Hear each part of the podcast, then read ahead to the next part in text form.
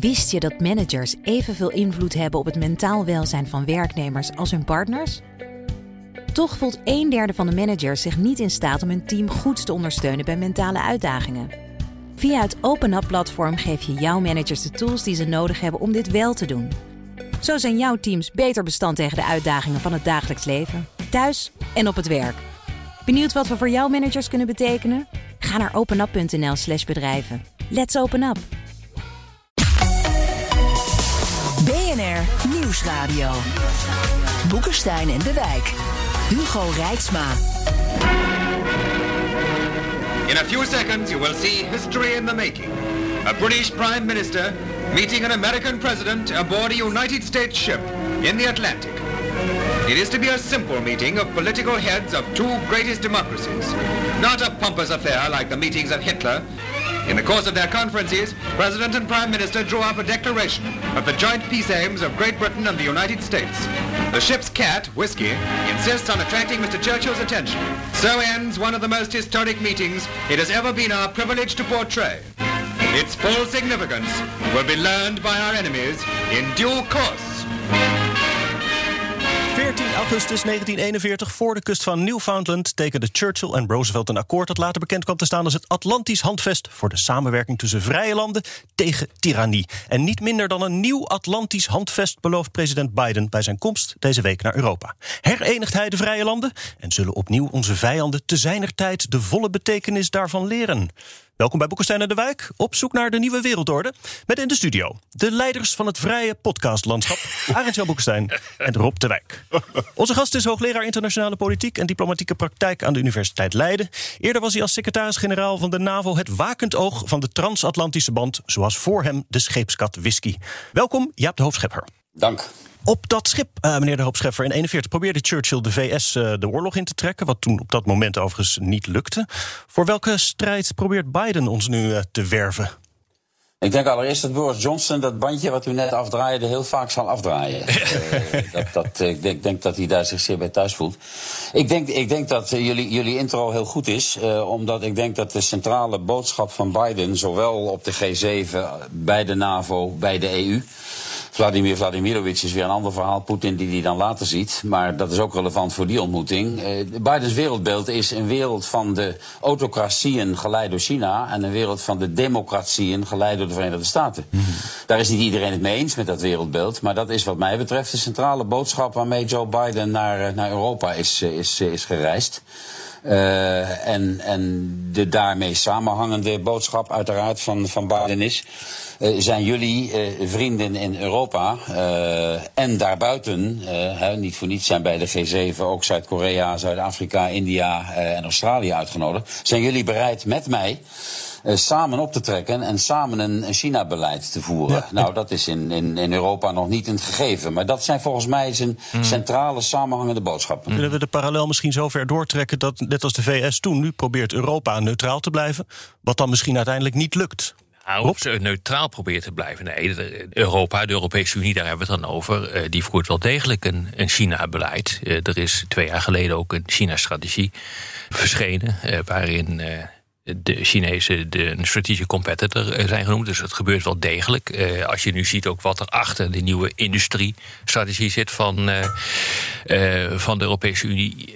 daar wordt ook gezegd van we moeten echt gewoon technologisch moeten vooruit zien te komen. De hele idee over een techpak met de Verenigde Staten. Samenwerking op het gebied van halfgeleiders, aanleg van 5G, al dat soort dingen, die zitten er ook in. Het gaat allemaal wat trager hier in Europa. Maar dat komt hm. natuurlijk ook omdat we met een hele hoop landen tegelijkertijd tot een overeenstemming moet, uh, moeten komen. En China heeft daar geen last van, Amerika heeft er minder last van.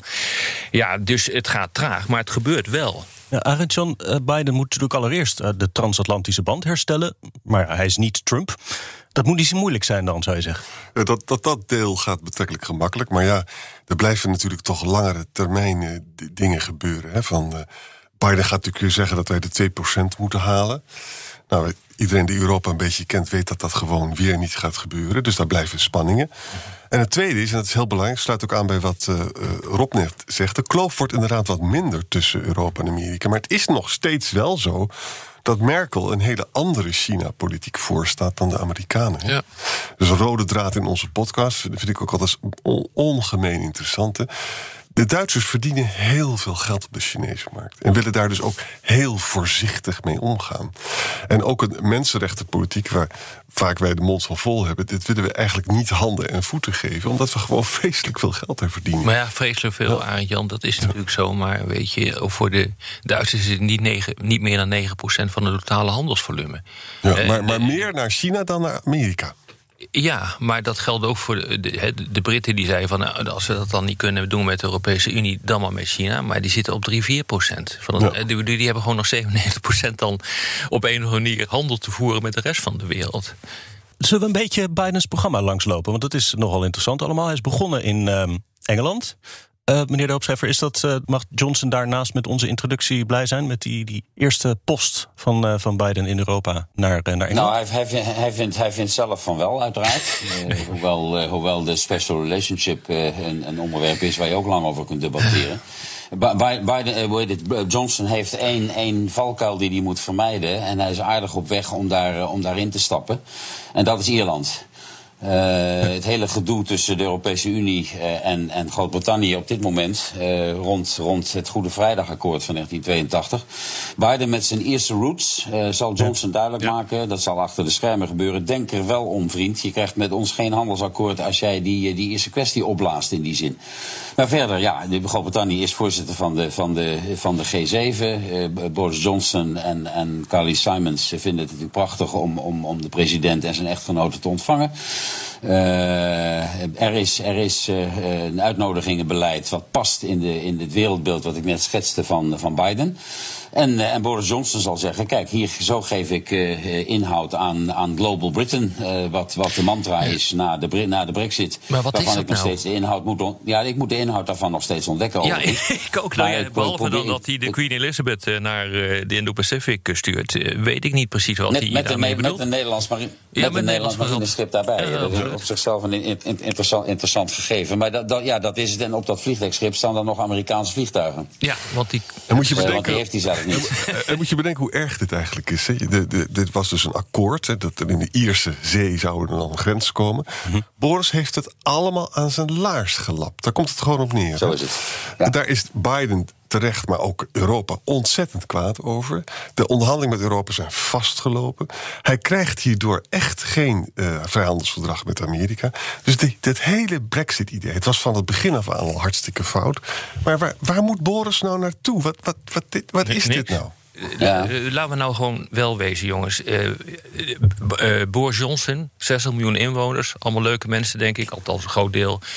Eh, in het Verenigd Koninkrijk, die moeten het opnemen tegen 450 miljoen eh, Europeanen. Wat is het? 375 miljoen Amerikanen. Ik bedoel, de, het- de machtsongelijkheid tussen het Verenigd Koninkrijk en, eh, de, eh, en de grote spelers is zo groot dat Boris Ja. Johnson is gewoon de vragende partij. Ik bedoel, vraag het aan Barnier. Dat is natuurlijk toch wel heel erg aardig, hè? De hoofdonderhandelaar van En- de Europese Unie, die en- gewoon zegt van ja, we, we zijn gewoon geen gelijk. En En dan die- heeft hij en- gelijk in. We praten tenslotte nog steeds over het Verenigd Koninkrijk. Nou, Boris moet ook oppassen dat dat verenigt, eh, dat dat op een gegeven moment eh, wat gaat vervagen. Ja, dat is absoluut waar, ja. Bij de G7 dit weekend staan hele grote thema's op de agenda. Het coronaherstel, maar ook die recente minimumbelasting voor bedrijven. Is dat een soort visie voor een, voor een nieuwe wereldorde die wat, hij daar wat, probeert? nou, wat ik wel heel interessant vind, is dat de Amerikanen met die minimumbelasting zijn gekomen. En wat je volgens mij ziet, is een soort opkomende beleidsconcurrentie tussen de Europese Unie, die de grote regelsupermacht is van de wereld. In dat opzicht veel machtiger en veel belangrijker is dan de Verenigde Staten. En nu komt ineens Biden met dit soort dingen. En daar begint volgens mij een soort beleidsconcurrentie te ontstaan. En dat hoeft niet slecht te zijn. Want dat betekent namelijk dat er een soort synergie gaat ontstaan tussen de Verenigde Staten en Europa, waar ik een groot voorstander van zijn. Of het echt gaat lukken, ik weet het niet. Dat weten we misschien eind volgende week. Het hele, het, hele, het hele compensatiemechanisme wat erin zit, is natuurlijk ook uitzonderlijk ingewikkeld. Ja. Eh, dat, je, dat je als je de 15% niet haalt, eh, dan moet je als, als, derde, als derde land gaan compenseren. Enfin, Ne- Nederland heeft hier natuurlijk ook een, een redelijk speciale eh, positie in dit, in Ja. dit opzicht. ja. Maar ik denk, ik denk dat Rob, je, je, hebt- je hebt gelijk.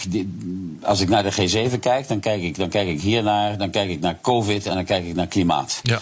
Uh, Biden ziet nu in, uh, ook de Financial Times vanmorgen, Arend Jan, Biden ziet nu in uh, dat daar wat moet gebeuren in de richting van, van de derde wereld, van de minder ontwikkelde landen. Uh, en ik hoop dat ze ook uh, wat, wat klimaat betreft een, een extra stap kunnen zetten. Uh, want dat is ook wel nodig, denk maar ik. Maar COVID is feitelijk la laaghangend fruit. Hè? Ik bedoel, je, je smijt er een paar miljard tegenaan. Je koopt wat, vier, wat, wat vaccins en that's it. Ik bedoel, daarmee kun je dus ongelooflijk scoren met eigenlijk heel weinig middelen. met klimaat wordt het al een stuk lastiger. Maar ik denk dat ja. daar ook grote stappen te maken zijn. Maar een gezamenlijk. Oh. Maar kijk, voor mij is, is, die, is het meest interessante aan die top. En dan draait het eigenlijk feitelijk om de EU en de Verenigde Staten. Niet om Boris Johnson en, uh, en Biden of om het bezoek aan Poetin of de NAVO. Maar wat er dus gewoon uitkomt in die relatie tussen de EU en de Verenigde Staten. Uh, en daarom vind ik uh, ook die, die wereldwijde tax zo belangrijk. En ik begrijp dat die ingewikkeld is, maar ik bedoel, het geldt voor al die, ik... al die regelingen. Maar ja. als daar wat uitkomt en als daar een synergie begint te ontstaan en een redelijke mate van, van vertrouwen dat, dat, dat zou heel enorm, helpen. Dat, dat zou wel echt helpen. En wat ik ook interessant vind, is dat als dus die digitax van ons dus weg zou gaan, omdat er dus een, een gemeenschappelijke winstbelasting komt, dan is dat weer een probleem voor het eigen middelenbesluit van de EU. Hè? Want wij hadden dat weer bedacht. Dus alles hangt weer met alles ja, samen. Ja, ja, BNR Nieuwsradio. Boekenstein en de Wijk. Op zoek naar de nieuwe wereldorde. Dit is Boekenstein en de Wijk. En dat programma is natuurlijk niet zonder Arjan Boekenstein en Rob de Wijk. Mijn naam is Hugo Reitsma en onze gast is hoogleraar en oud-NAVO-SG Jaap de Hoop Scheffer. We hebben het hier over de vrije landen en hun vijanden. En we lopen het programma van de Amerikaanse president in Europa. Ja, wat het leuk is, het woord NAVO is eigenlijk nog niet eens gevallen. Nou, we zijn nu aangekomen volgens mij oh. bij maandag. uh, maandag uh, is het NAVO. Nou, nee, nee, maar weet je, maar, maar dat is. Nee, maar het is ook. Kijk, normaal gesproken zou je als Amerikaanse president hier naartoe komt, beginnen met de NAVO. Ja. En dat doen we dus nu niet. We zitten nu te praten over de Europese Unie. Dat is op zich veelzeggend. Of, of zie ik dat verkeerd, Jaap? Nee, dat, is, dat, is, uh, dat, dat, zie, dat zie je denk ik niet verkeerd. Uh, uh, maar het is wel belangrijk na vier Trump-jaren dat er weer een president is die bereid is artikel 5 van de NAVO te onderschrijven. Want dat is vier jaar lang is dat niet, is dat niet gebeurd. En er zijn, als je kijkt naar, naar de NAVO en je kijkt naar, dan hebben we het uiteraard ook over Rusland. Je kijkt naar de Zuidflank, je kijkt naar de instabiliteit mm. rond Europa. Dan is, er, dan is er het nodige te bespreken. Denk er vier, vier minuten per spreker en ze willen allemaal wat zeggen. Want ja. ze kunnen geen van allen daar de deur uit. Nee. En dan vraagt de nationale pers, wat heeft u gezegd, uh, meneer de president? En zei, nou, ik heb niet het woord gevoerd, want ja, alle anderen hadden het al gezegd. Er is één, echt één onderwerp op, wat ik, wat ik denk dat, dat, dat prominent zal zijn, ook weer vanuit mm. Biden. Uh, en, dat, en dat is de vraag uh, aan de NAVO-bondgenoten. Wat, gaan, wat gaan we doen met China? Ja. is de vrije doorvaart in de Zuid-Chinese Zee een exclusieve Amerikaanse verantwoordelijkheid? We hadden het net even over, over het, het flottille wat daar nu, wat daar nu rondvaart, inclusief Nederland.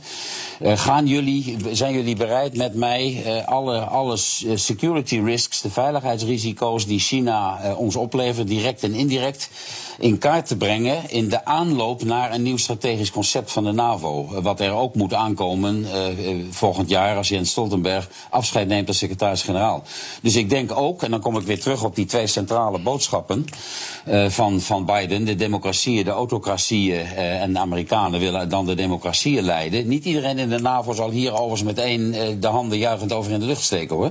Maar ik denk dat dit toch wel een hele belangrijke vraag ja, van Biden aan zijn bondgenoten zal zijn. Ik, daar ben ik wel met je eens. Denk je dat Biden uiteindelijk zover gaat dat hij zegt van mijn steun aan de collectieve defensie van de NAVO, die is alleen maar keihard als jullie me steunen in Azië? Nou, dat, dat, zo, zover zal Biden denk ik niet gaan. Uh, maar ik denk wel dat een, ook de NAVO zich moet realiseren. Dat als je naar de, de komende jaren kijkt, de komende tien jaar kijkt, en je, en je kijkt naar China. Uh, dat, dat de NAVO zowel in staat zal moeten zijn, indien nodig, expeditionair te zijn. Mm -hmm. Dat was die NAVO tijdens mijn mandaat. Afghanistan, Kosovo, noem het, noem het allemaal maar op, de, de Middellandse Zee. Maar, maar B, uh, uh, ook zich niet aan de keerkringen kan houden in de huidige wereld, waarin je twee supermachten hebt en waarin die ene supermacht in staat zou kunnen zijn uh, om een belangrijke commerciële levensader af te snijden als je kijkt naar de Zuid- en Oost-Chinese Zee. Dus ik denk dat dat toch wel een belangrijk thema ook voor de NAVO wordt. En tegelijkertijd moeten ze hun hele defensie, al die landen, reorganiseren in Europa.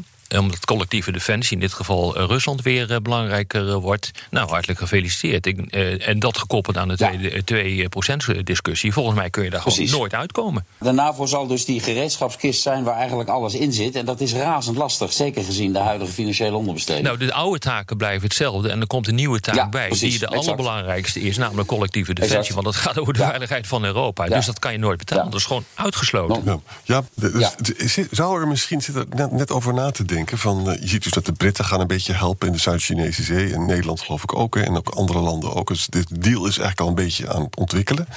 Duitsland gaat geloof ik ook wat doen. Wat me opvalt is dat Biden heeft dus die Nord Stream 2 heeft hij een waiver op die sancties gezet. Hij is heel vriendelijk geweest eigenlijk. Hè? Nou, Nord Stream 2 is gewoon bijna af.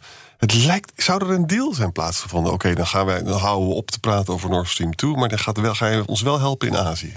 Zou dat kunnen? Nou, ik, ik, ik, ik, ja, dat, dat, dat zou kunnen. Het is speculatie, uh, Jan. Ik, ik denk wel, uh, er zijn in Nederland niet zo vreselijk veel mensen die het woord geopolitiek uitspreken. Laat staan dat ze erover nadenken. Maar ik denk wel uh, dat, dat Bidens gesprek met, met Poetin en die waiver voor Nord Stream.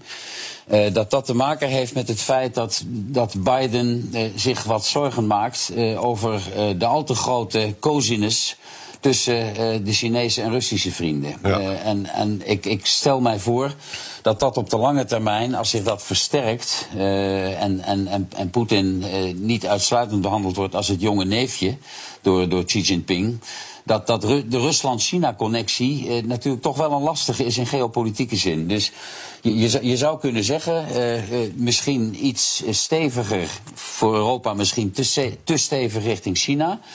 En iets, iets minder stevig richting uh, Rusland. Hoewel Biden natuurlijk traditioneel uh, een, een, man is die wat Rusland betreft uiteraard kritischer is dan Trump. Uh, meer, meer pro-Oekraïne overigens, voor, mm. om, om, een aantal redenen. Maar Arend Jan, daar zou hier dus ook wel een. Na, naast, naast deze mogelijkheid die jij suggereert, zou er ook een, een, een breder geopolitiek verhaal achter kunnen zitten. Maar ook ik speculeer hier. Even door naar dinsdag, zou ik zeggen. Dan praat Biden met de Europese Unie in Brussel. We hebben al uit een uitgelekte eh, conceptverklaring gelezen dat dus de, de, de, de handelsperikelen, dat, dat wordt een beetje begraven. Het ging over de luchtvaart, staal en aluminium. Dus dat is mooi. Maar in Europa klinken ook de hele tijd allemaal geluiden. Ja, hoe lang zit deze man er? Straks komt ah, Trump terug. Het punt. Hoe kunnen we de VS blijven vertrouwen? Nou ja, kijk, hier werkte ook zijn leeftijd niet mee. Uh, van, ik bedoel, um, ik, ik, denk dat we erg blij op mogen zijn met hem en uh, met Biden. En de wijze waarop hij het op dit ogenblik uh, doet. Want dat is denk ik heel goed voor Europa en voor, laten we zeggen, de democratische wereld. Maar ja, wat komt hierna? En realiseer dat ik denk dat de, schok van Trump zo groot is geweest in Europa. Dat bedenkt, oh mijn god, dat kan dus gewoon gebeuren in de Verenigde Staten. Daar kan dus de democratie feitelijk om zeep worden geholpen. als het een beetje tegen zit. En om die reden denk ik dat het heel erg lastig is. Om die vroegere hele warme gevoelens die er waren voor de Verenigde Staten, om die gewoon en ook ja, het, het, akelige te, feit, Het akelige feit dat de Grand Old Party, de Republican Party, die, die zich nu zo verschrikkelijk gedraagt en op geen enkele manier uh, tot inzicht komt ook bezig is met voter suppression. Als je, als je het een beetje een linksistische termen zou willen gieten. Dit is gewoon een partij die, die tegen de democratie is. Ja. Het is echt gewoon heel erg wat daar gebeurt. Wij zijn allemaal maar stilletjes over, want ja, wat moet je ervan doen? Maar het is hm. natuurlijk heel erg. Gelukkig is het zo dat de demografie en, en de, die zijn gunstig voor de democraten op de langere termijn. Maar waar de, waar de Republican Party mee bezig is. Het is godgeklaagd. Ja, vind je ook niet? Nee, dat is, juist. Dat is juist. Ik, deel die analyse eh, volstrekt. Uh, wij, wij hebben, ik heb uh, nooit, nooit in mijn carrière meegemaakt dat wat wij nu bespreken en de, en de verhouding met, met de Verenigde Staten, uh, of het nou de NAVO is of het is, of het is China, afhankelijk is van welke president in het Witte Huis zit. Of dat nou democraten waren of, of republikeinen sinds de Tweede Wereldoorlog. Hmm. Er waren altijd constanten uh, waar Europa ook heerlijk van heeft geprofiteerd uh, onder de Amerikaanse uh, bescherming. We zijn wat dat betreft natuurlijk ook in zekere zin verslaafd geraakt aan Amerikaans leiderschap. Hmm. Maar als jullie analyse juist is, Rob en Arend Jan, en ik denk dat die juist is dan zal Europa ook over een aantal andere elementen serieus moeten gaan nadenken. Want Arend-Jan, ik, ik vul je even aan. Als je ziet wat er op dit moment gebeurt in de Verenigde Staten rond, rond uh, wie kan wel stemmen, wie kan niet stemmen, waar kun je stemmen, wat zijn de kiesdistricten. Republikeinen zijn hard bezig uh, om, om, om ook daar hun uitgangspositie over drieënhalf jaar alweer, en volgend jaar de midterm elections, om, die, om die positie in aanzienlijke mate te versterken. En, en daar hou ik mijn hart wel vast, eerlijk gezegd hoor. Ja. Woensdag in Genève spreekt Biden de Russische president Poetin om hem te vertellen wat ik wil dat hij weet. Biden uh, mooi dreigend. Nou, daar kan je wat bij voorstellen.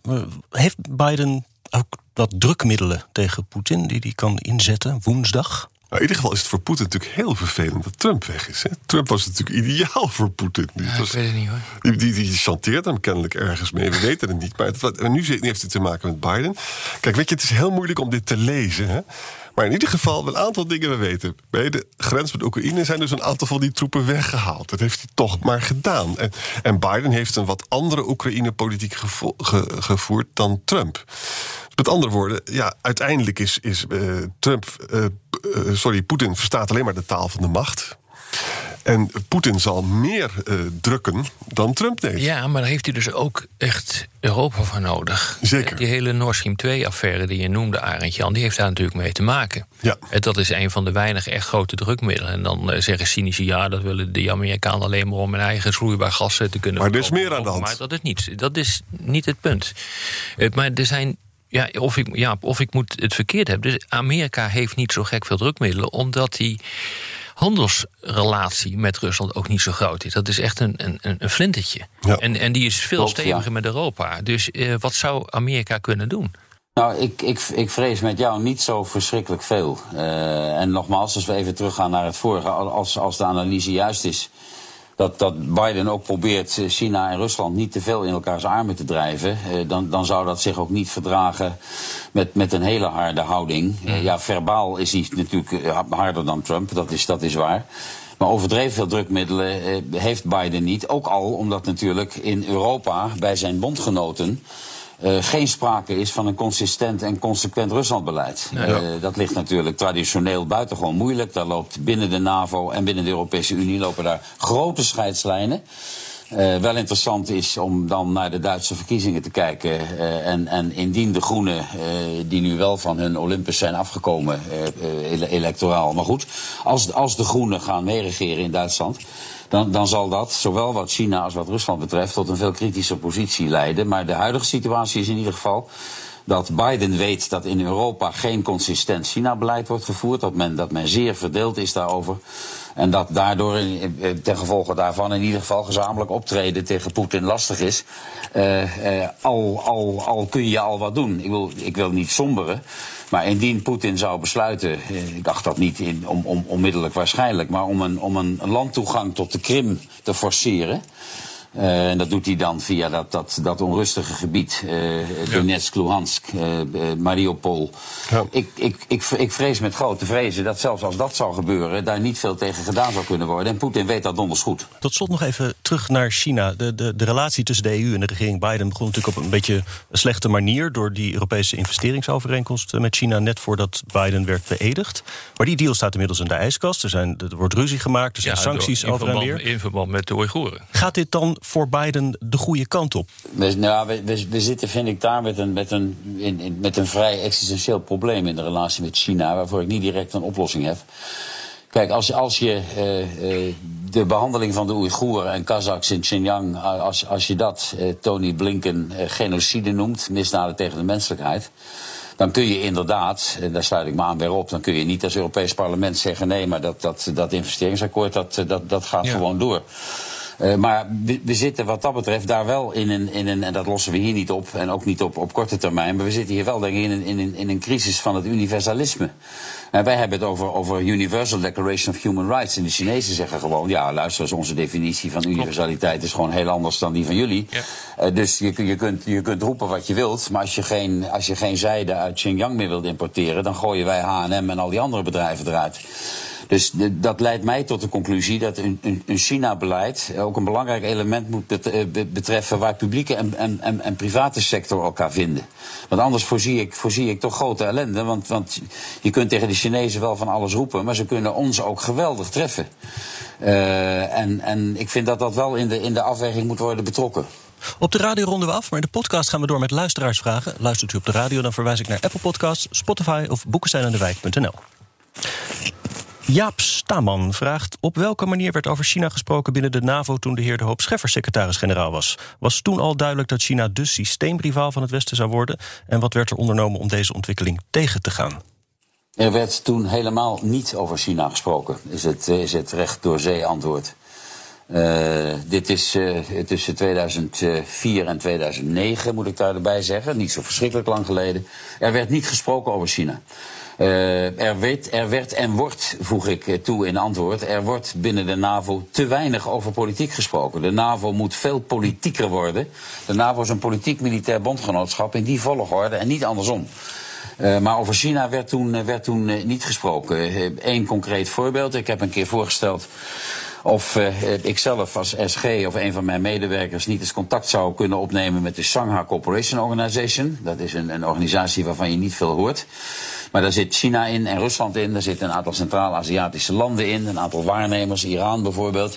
En het leek mij politiek van nut om daar eens de voelhoors uit te steken. Er was geen sprake van. Geen sprake van, hm. secretaris-generaal. Er komt, komt niks van in. Dat is niet van de NAVO. Enfin, ik, ik geef even een sfeerbeeld. Er werd niet over China gesproken. Jel vraagt: wat gaat er besproken worden ten aanzien van de JCPOA? De, dat is de Iran-deal. En zien jullie een mogelijkheid tot samenwerking van de AIVD en NSA en CIA als het aankomt op cybergevaren vanuit Rusland, China, Iran? Zie dreigingsbeeld statelijke actoren. Kijk, dit is een belezen Jel. nou, volgens mij is die samenwerking er al. Uh, maar alleen dat, uh, dat gebeurt natuurlijk allemaal achter, uh, achter gesloten deuren. Uh, maar ja, over die Iran-deal, ja, daar zijn, is iedereen het wel over eens dat dat, dat, dat ding er nu dat die gereactiveerd moet worden. Althans, uh, ja, dus dat gaat gewoon gebeuren. Matthias van Alven vraagt: hoe wordt er gepland voor de volgende president? Uh, een ander, Jelle Andries heeft het nog over de VS als borderline-patiënt. Nou ja, we hebben dit eigenlijk al gezegd. morgen zit er weer een American First Week en die, die zorgen die blijven gewoon. Hè? Ja. Ja, nou ja, dat is wel echt een wezenlijk andere situatie dan, laten we zeggen, een jaar of uh, zes, zeven geleden. Dat we echt anders naar Amerika zijn gekeken en daar gaan kijken. En dat we het niet meer voor, van, voor vanzelfsprekend houden, die relatie. En dat is natuurlijk ook gewoon die hypotheek die ligt op het bezoek van, van Biden. En de vraag is, en daar ben ik, daarom ben ik heel benieuwd hoe dit, hoe dit eruit ziet aan het eind van, laten we zeggen, het Europese deel van het bezoek. Ja, hoe, die, hoe Biden laten we zeggen, toch die Europeanen weer op een of andere manier op hun gemak kan stellen. En dat betekent ook dat het onvermijdelijk is, ook, ook al ben je een verstokte Atlanticus, dat Europa meer zelf gaat doen. Zo is het, zo is het Jan. Uh, dat, dat is volstrekt helder. Rob, jij, jij zegt een, pa, een, paar jaar Biden. Ik, ik, ik, ik noem een aantal decennia in feite, in feite sinds de oprichting van de NAVO in 1949. Uh, ik, ik, herhaal, ik heb nog nooit meegemaakt uh, in, in, mijn toch uh, relatief lange loopbaan qua tijd. Ja.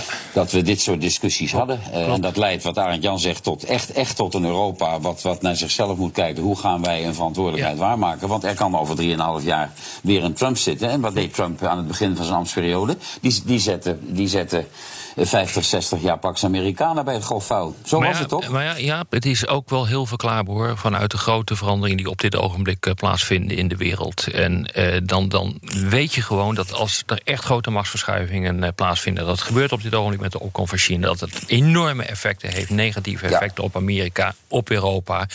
En tot nu toe moet ik eerlijk zeggen voltrekt het zich wel volgens het boekje. Wat je wel zeg maar, als een deskundige op het gebied van internationale betrekkingen. een beetje de theorieën toepast. kan verwachten. Gewoon groot gedoe. In een, uh, in een land als Amerika, omdat dat land natuurlijk moet strijden voor zijn, ja, zijn nummer één positie. En dan gebeuren er van al, uh, allerlei dingen. Dan komen de leiders aan de macht die zeggen: dat doen we even alleen. Dat, wat natuurlijk gewoon niet kan. Een Europa dat autonomer aan het worden is, het, het past wel gewoon in het beeld hoor.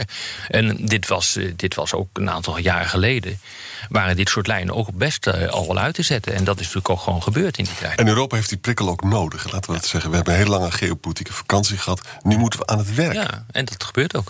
Nee, en, da- en, da- en daar heeft, zeg ik even, ik- weinig, weinig positiefs over Trump te zeggen. Maar Trump heeft natuurlijk wel in Europa gewerkt als de integrator in chief. Hè? Ja, absoluut. Eh, want die heeft, die, Absoluut. heeft, die heeft wat dat betreft die boodschap wel helder overgebracht. Absoluut. Geertje Capon vraagt, zegt... China is een belangrijke opkoper van Amerikaanse staatsobligaties... en ik begrijp dat het ook erg geïnteresseerd is in de euro-obligaties... van het EU-herstelfonds. China koopt zo wel invloed. Moeten de VS en de EU niet waakzaam zijn... voor de Chinese opkoopacties en zullen ze die beperken? Ja, dat is echt een hele goede vraag. Ik, ik weet het eerlijk gezegd niet. Of je daarmee echt verschrikkelijk veel invloed koopt. Eh, je, verkoopt, je koopt wel invloed met investeringen. En met, eh, met handelsstromen. Maar of je dat nou ook doet met, eh, met de opkoop van obligaties. Hebben dat ook geprobeerd, namelijk met, met, met Griekenland eh, tijdens de financiële crisis. En dat, ja, dat, dat heeft uiteindelijk wel geleid tot de aankoop eh, of, of de lease die ze hebben ge- gedaan eh, met de haven van, van Piraeus. Dus eigenlijk heeft Europa daar feitelijk door ook te zeggen tegen Griekenland: je moet privatiseren en je moet geld ergens, ergens anders vandaan zien te komen. Wel de deur opengezegd naar eh, China. Maar of dat ook gebeurt eh, naar de Europese Unie, ik vind dat een, het is een hele goede vraag, maar ik vind het lastig. Je kunt hem ook omdraaien. Je kunt hem omdraaien. Je kunt ook zeggen van die, die eh, eurobonds die je geen eurobonds mag noemen, zijn zo ontzettend gewild in de wereld. Ja. Dat betekent dus dat die Europese kapitaalmarkt veel liquider is dan mensen altijd gedacht hebben. Ja. En dat is een heel En- en het- ja, positief nieuws precies. Voor, Europa. En het, bete- en het betekent natuurlijk, hoe je het ook weet of keert, een, een, een- een, boost voor de euro als reservevaluta. Exact. Klopt. Eh, en wij, wij lijden natuurlijk, hebben onder Trump eh, heftig geleden onder het secundaire effect van sancties. Eh, naarmate die euro serieuzer wordt genomen als reservevaluta, maximaliseert dat ook je marges op, op, op hele andere terreinen van buitenlands beleid. Ja. Balansdenker vraagt: hoe kijkt de VS aan tegen de vorming van een Europese marine of leger, eventueel in verkapte vorm via Frontex of pooling?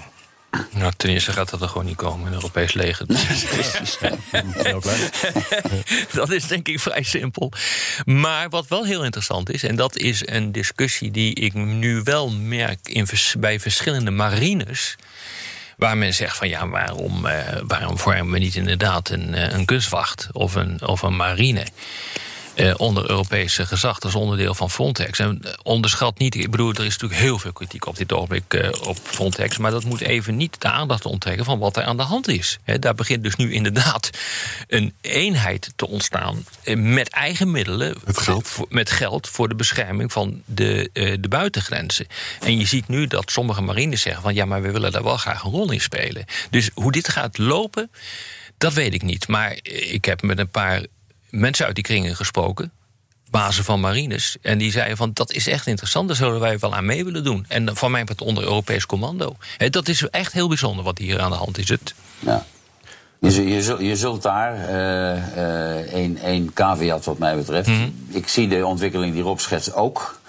Eh, de, mijn, mijn caveat is eh, dat wanneer je eh, eh, eh, het risico loopt, of nee, ik moet anders zeggen, wanneer de kans bestaat dat je in conflict situaties eh, betrokken raakt, eh, waar militair geweld noodzakelijk is, heb je een probleem? eh, ik, ik nog niet zie dat nationale parlementen die bevoegdheid, dat zou ik ook als parlementariër nooit willen meemaken, uit handen geven aan een derde.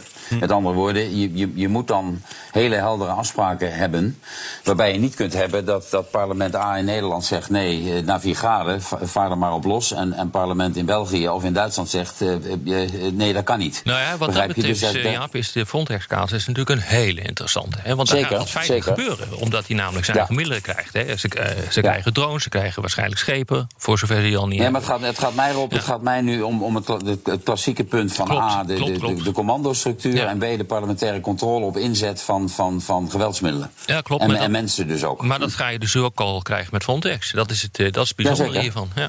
Ja. Maar ik zie, ik zie niet een Europees parlement, eh, eh, de- ik zie niet een Tweede Kamer die, die bevoegdheid weggeven aan het Europees parlement. Dat zie ik niet gebeuren. Hm. Paul Duchesne vraagt: zijn democratieën in staat hun machtsinstrumentarium Dime plus Culture plus Knowledge snel en effectief genoeg in te zetten om een staat als China strategisch te concurreren? En dit is jullie vakgebied, maar ik heb het even op moeten opzoeken. Dime staat dan voor Diplomacy, Information, Military and Economics. Ja, het antwoord is ja. Op geo-economisch gebied. Ik bedoel, we hebben het hier al vaker over gehad dat de Europese Unie een regelsupermacht is. En ik, nou ja, je weet, we hebben het ook over mijn laatste boek wel gehad. Ik was echt verbaasd wat voor een onwaarschijnlijke macht dat vertegenwoordigt. En, en, dat, en dat Trump zijn, zijn tanden erop stuk heeft gebeten. Maar dat geldt ook voor Poetin en dat geldt ook voor, voor Xi.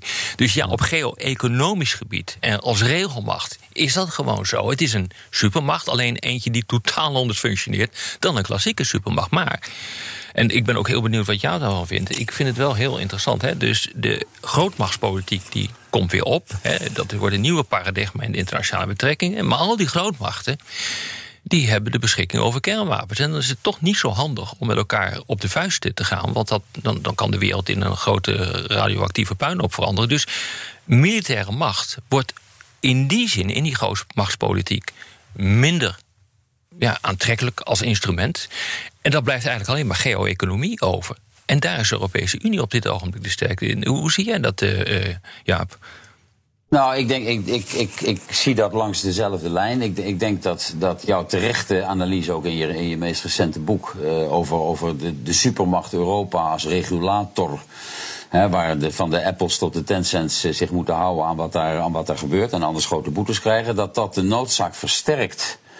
Uh, dat zeg ik weer even, Jan noemde dat net, als, als iemand opgevoed in de transatlantische, de noodzaak versterkt van Europa om, om buitenlands politiek op te groeien van de, van de politieke puber die Europa nog is.